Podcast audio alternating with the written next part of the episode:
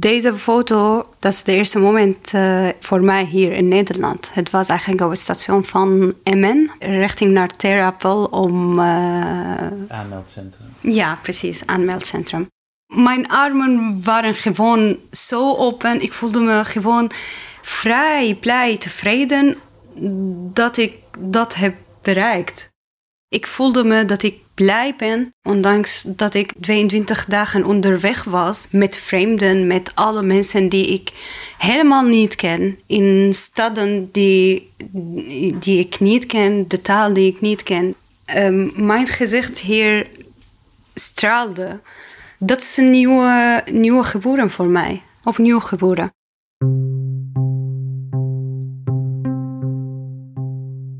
Je luistert naar Vrijheid Volgens, een podcast van het Nationaal Comité 4 en 5 mei, gemaakt door mij, Maarten Dallinga.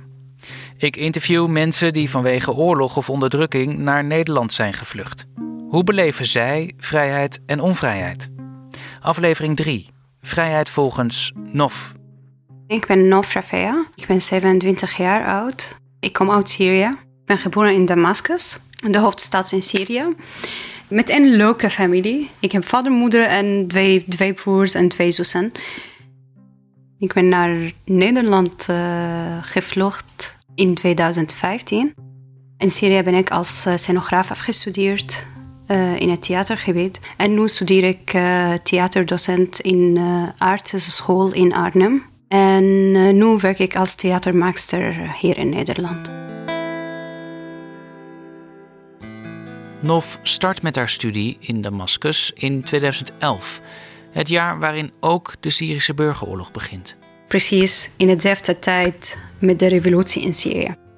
Voor een meisje van 18 jaar was natuurlijk zwaar voor haar, want ze wilde gewoon uit te gaan en vrienden te maken en met rust te studeren en af te studeren en zo.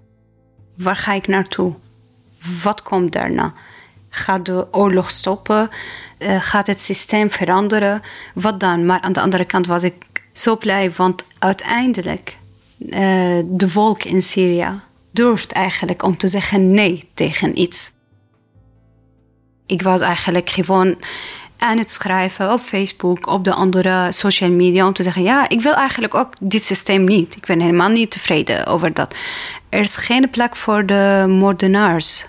Dat is het belangrijkste. De soldaten waren altijd op de straten. Pomp gooien, dat is helemaal normaal. We hebben, we hebben dat echt gewend. Want in principe, je gaat op, op één dag ga je wakker worden met het geluid van, van bombardering. Dus, uh, van het bombarderen? Bombardering, ja. Bombarderen, ja. Ja. Elke keer ga ik naar de universiteit. Moet ik eigenlijk verwacht dat ik misschien ga dood onderweg. Je ziet eigenlijk alle mensen op de straten. Ze hebben gewoon, gewoon dit gezicht. Die heeft eigenlijk geen kleuren meer. Dus blijft de mensen kijken zo. Hun, ja, uh, hun ogen zijn bevroren in hun gezichten. Hoe is het dan nu voor jou om erover te praten? Zwaar, pijnlijk. Uh, als ik... Uh, als ik ga gewoon, gewoon eerlijk dat te zeggen, dat, is, ja, dat heb ik toch een trauma. Ik ben één stuk van deze land die de oorlog had ervaren. Snap je? Dus ik kan eigenlijk helemaal niet vergeten. Niet gisteren, niet vandaag en niet morgen. Helemaal niet. Mijn familie daar, mijn vrienden, mijn vaderland. Syrië in principe op dit moment als een kooi voor deze volk en eigenlijk, ja, de baas van Syrië is in principe een moordenaar. Als we gaan de hele tijd blijven aan het strijden met, met dit systeem of met dit moordenaar. Dus in principe, je gaat gewoon dood. Je kan, je kan eigenlijk jouw mening helemaal niet geven over de uh, politieke dingen. Tot nu eigenlijk zijn tien jaar oorlog in Syrië.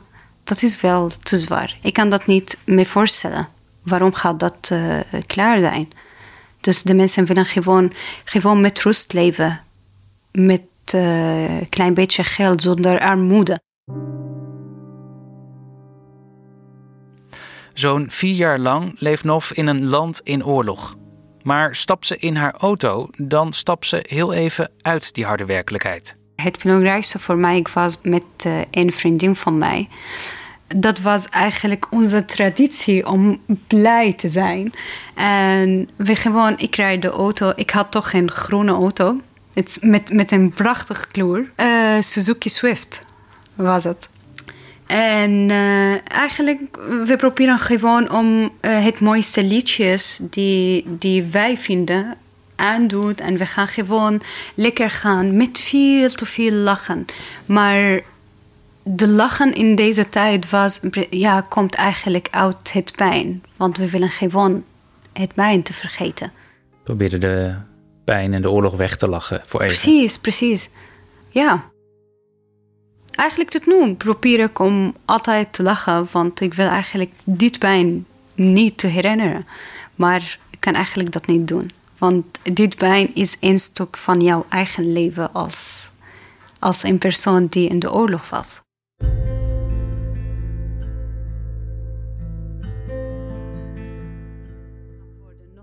En dan, als Nof vertelt over haar moeder, klinken er heel in de verte sirenes. Te zorgen, te zorgen op, op, op die kleine meisje die, die, die had. Ik hoor nu op de achtergrond sirenes. Ja. Dat hoor jij ook, denk ik, hè? Ja. Ik vraag me dan af, misschien een hele stomme vraag, maar of jij dat dan anders beleeft dan ik? Ja, natuurlijk. Dat was gewoon normaal, normaal geluid in Syrië tijdens de oorlog. Hoorde je het net dan wel of valt je dat dan ook helemaal niet op? Nee, ik vind, ik vind het vervelend om dat uh, te horen, sowieso. Want ik heb het eh, de hele tijd was, was zo in Syrië. Ik zie uh, ja, alle gezichten van de mensen daar die ik ken, komt, komt meteen naar mijn, naar mijn hoofd uh, over. Oh, het is waar. Ja.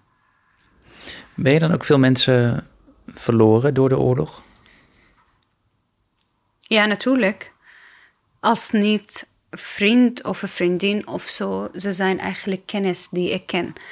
Dus uh, ik, heb het, ik heb het veel te veel mensen verloren tijdens de oorlog. En het belangrijkste mens in mijn leven was, dat is mijn moeder. Mijn moeder uh, was gestorven op twee, in 2014 uh, in bloedkanker. Maar in principe, de oorlog had toch een effect om mijn, om mijn moeder dood te gaan op deze manier. In Syrië is op dat moment een tekort aan legale medicatie, zegt Nof. Daarom koopt haar familie illegale medicijnen uit Turkije. Die blijken dodelijk, vertelt ze. En uh, in hetzelfde dag die mijn moeder uh, was gestorven in, de, in het ziekenhuis. Dus twee andere mensen zijn ook dood door deze medicatie. Ik had geen tijd om verdrietig te zijn, eerlijk gezegd. Ik heb toch mijn, mijn studie, ik heb toch de oorlog. We zijn in het gevaar, we moeten uh, geld verdienen, we moeten gewoon overleden. Dus ik had geen kans om na te denken dat, dat, dat ik mijn moeder heb verloren. En toen ik naar hier kwam, opeens heb ik ontdekt: oh my god, mijn moeder is niet hier meer. Hoe kan dat? Snap je? Dus uh, ja, het doet veel pijn. En ze was echt een enorme goede vriendin van mij, sowieso. En pas in Nederland heb je kunnen beginnen aan het verwerken van ja. haar verlies. Ja, natuurlijk. Tot nu. Tot nu.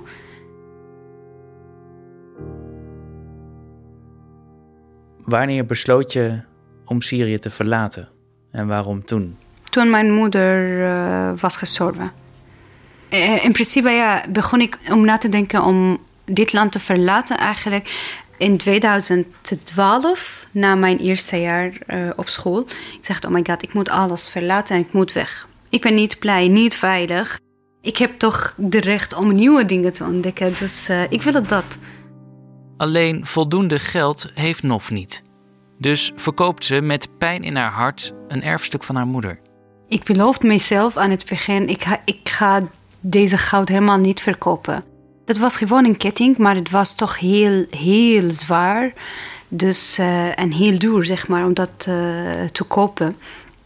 En ook uh, in de situatie in de oorlog, eigenlijk de gouden prijs was heel hoog in deze tijd. Daarom heb ik dat gewisseld naar dollars.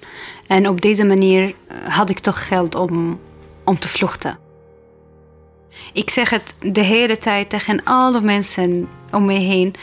Zonder mijn moeder ben ik eigenlijk helemaal niet hier. Ze heeft mij heel veel geholpen in mijn leven, maar ook na haar dood heeft mij geholpen om, om mijn leven uh, te verbeteren.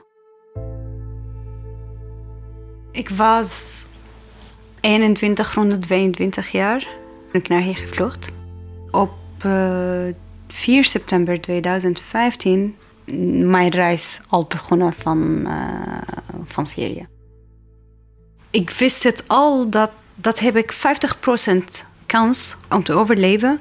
En ik heb aan de andere kant 50% kans om dood te gaan. Nof vliegt samen met een vriend van een vriendin van Syrië naar Turkije. Daar betaalt ze zo'n 1000 euro aan smokkelaars voor een overtocht per boot naar het Griekse Lesbos.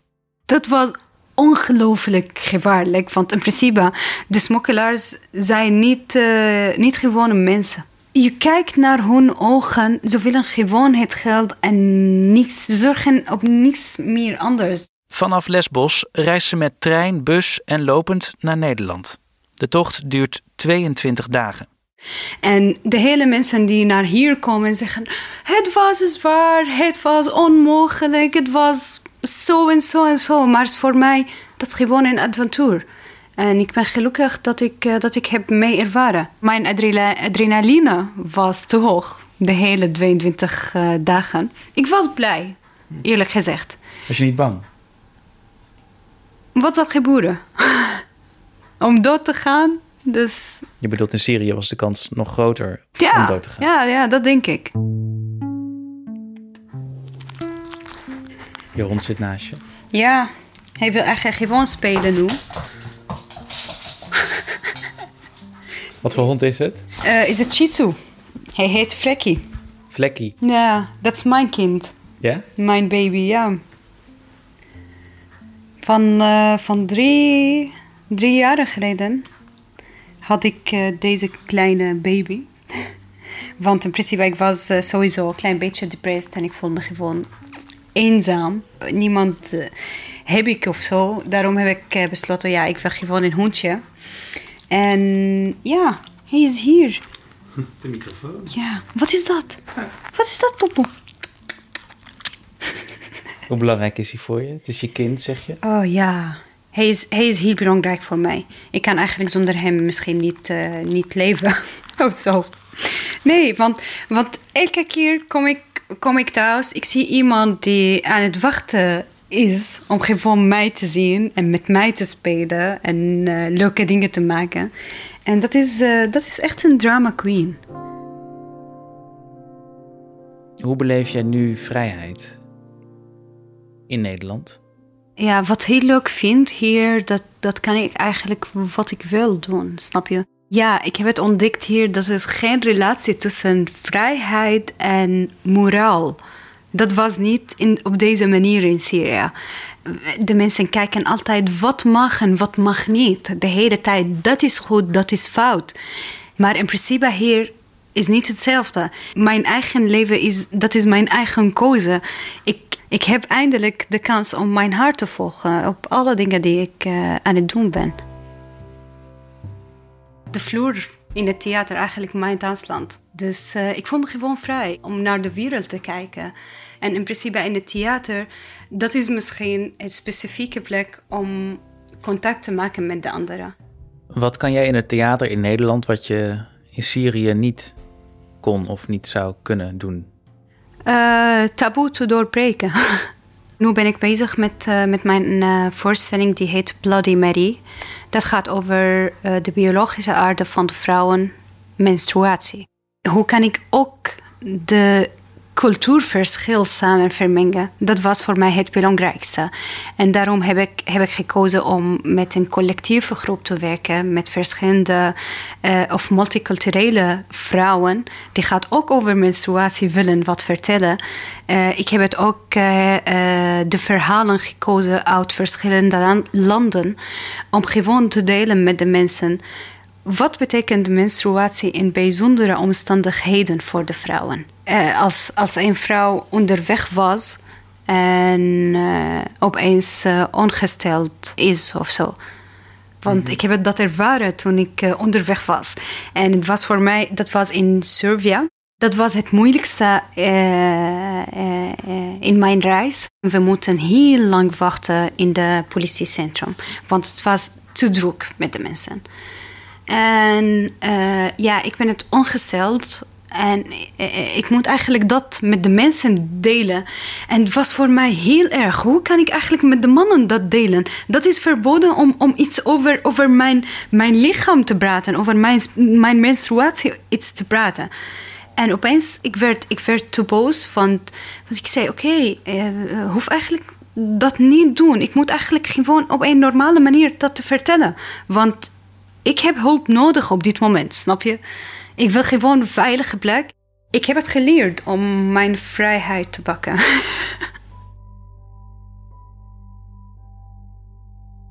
We zijn in jouw appartement. Mhm. Je zit op je oranje bankje. Eh, voor je je laptop, uh, tabak, ja. koffie. Hoe vrij voel jij je op deze plek? Uh, op deze plek, ja, ik voel me, ik voel me dat is uh, ja, letterlijk house je pompje beestje. dat, is, dat is jullie uitdrukking, denk ik. Dus uh, dat is toch, toch veilig voor mij natuurlijk. Ik, ik voel me gewoon blij dat ik hier ben. Ik voel me gewoon op en elke dag werd ik wakker. Had ik toch ideeën in mijn hoofd ik kan nog steeds leven. Ik kan nog steeds iets doen. Ik ben, ik ben gewoon blij, tevreden over alle, alle leven uh, die ik heb op dit moment. Zou je ooit terug willen naar Syrië? Nu wil ik dat eigenlijk helemaal niet. Maar in principe, ja, uh, niemand weet het. Ja, mijn geheugen zijn, uh, is helemaal vol met, met de herinneringen die daar zijn.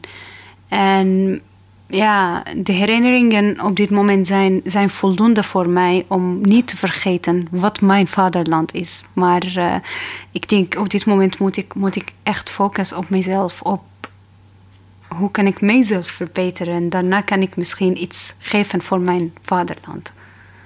Maar dat doe je misschien al wel door nu je verhaal te vertellen. Ja, ja. Ik vind het, ik vind het dat heel interessant om te doen. Zeker. Want ik heb het hier ervaren ook dat de mensen hebben een, ja, ze hebben een label op alle vluchtelingen ter wereld. Dat vind ik sowieso super jammer. Dat vind ik een klein beetje oordeel op de mensen. En uh, ja, ik vind, het, ik vind het jammer bijvoorbeeld om de mensen mij te vragen: Oh my god, dat was gevaarlijk, de vluchting, vluchtingsreis, de oorlog. Oh, uh, hadden jullie een telefoon daar? Hadden jullie internet? Oké, we hadden toch een oorlog, maar Syrië is eigenlijk niet op de grond. Is. We hebben toch toch een cultuur. We hebben, we hebben heel mooie dingen. We hebben heel mooie tradities daar. Snap je? Dus ik vind het, ik, vind het, ik, kan, ik kan eigenlijk de mensen, met de mensen ook delen. Wat, wat hebben wij iets mooi daar? En hoe kan ik uh, het beeld van de vluchteling te verbeteren?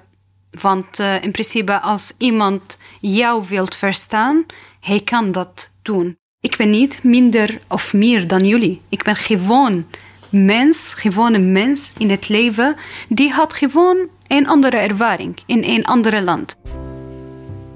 Vanaf het eerste moment had ik, had ik het gevoel dat, dat ik welkom ben hier in Nederland, snap je? Maar aan de andere kant, dat vind ik de label, hoe kan je, hoe kan je, dat, uh, hoe kan je dat zien? Bijvoorbeeld, de mensen kijken naar mij. Oh my god, je bent toch gewoon 4,5 jaar in Nederland en je studeert theater met een andere taal. Je spreekt de taal heel goed, maar ja, oké, dat, is, dat is niet iets bijzonders. Dat was gewoon een behoefte om dat te doen de wereld is wijd, maar waarom maken wij grenzen en waarom uh, willen wij eigenlijk toestemming krijgen of geven voor de mensen die willen ergens anders leven? Snap je wat ik bedoel? Dus waarom staat de grenzen? We hebben voldoende grenzen in, in het leven. We kunnen eigenlijk dat verminderen, niet vergroten. Ik vind het jammer om op dit moment heel veel mensen in Griekenland zijn of in Turkije en ze, hebben, ze zijn gewoon in één tent. Waar is de sympathie? Deze mensen, wat zal gebeuren met hen? Dat is voor mij meer, meer, meer focus op de menselijkheid. Ik vind het uh, ja, toch wat moeilijk om te begrijpen. Wat is vrijheid voor jou samengevat? Om jouw hart te volgen. Dat is de vrijheid. Om, om een kans te krijgen in het leven te doen wat jij wilt als een persoon. De mensen hier uh, leven met luxe. Ik ook. Nu leef ik met luxe, snap je? Dus ik doe wat wil ik. Ik, ik zeg wat wil ik. Ik. Uh, oh. Dus dat is niet luxe. Dat is helemaal niet luxe. Dat is, dat is precies de uh, individuele rechten. Om gewoon, gewoon dat normale leven te leven. Maar je benoemde het wel even als een luxe. Nee, dat is, oh, dat is uh, Syrische zegt dat. Want uh, we hebben dat geleerd. We hebben, we hebben gewoon dat uh, opgevoed, zeg maar. Jouw mening is niet belangrijk. Jouw mag nooit iets te zeggen tegen de politiek, tegen de geloof, tegen de andere dingen. Dus, dus dat was toen een luxe. Precies, Zo werd het gezien. Precies, dat was een luxe. Maar nu zeg ik dat is, dat is gewoon recht. Dat is gewoon mijn recht om, om te zeggen wat wil ik, wie ben ik als een persoon in het leven. Dat is het belangrijkste. Maar het stemmetje van het Syrische regime zit toch nog steeds een beetje in je hoofd. Ja, ja, je kan eigenlijk niet, je kan helemaal niet jouw 22 jaar in jouw leven weggooien en opnieuw te starten. Tot nu eigenlijk, als ik op straat uh, loop of zo, kijk ik om me heen. Dat is vervelend om dat te voelen, want ja, ik voel me vrij veilig hier, maar aan de andere kant, de veiligheid in mijn hart is iets anders. Ik heb het, ik heb het niet totaal. ja. ja. Nov klapt haar laptop open. Ze heeft wat gedachten opgeschreven die ze graag wil delen. Ik heb het nagedacht om hoe kan ik zo eerlijk dat te zeggen, dus misschien kan ik dat delen met jullie. We zijn mensen. We zijn geboren zonder grenzen, zonder haat. Op onze hart staat de puurheid. Door middel van opvoeding en omgeving leerden wij de omvang van onze vrijheid te beperken. Uh, leerden wij kwaad en haat. En door alle eisen van ons dagelijkse leven werden wij machines die werken zonder aandacht te uh, schenken aan onze menselijke natuur. Uh, vreedheid wordt verworven, maar liefde is aangeboren. Ja.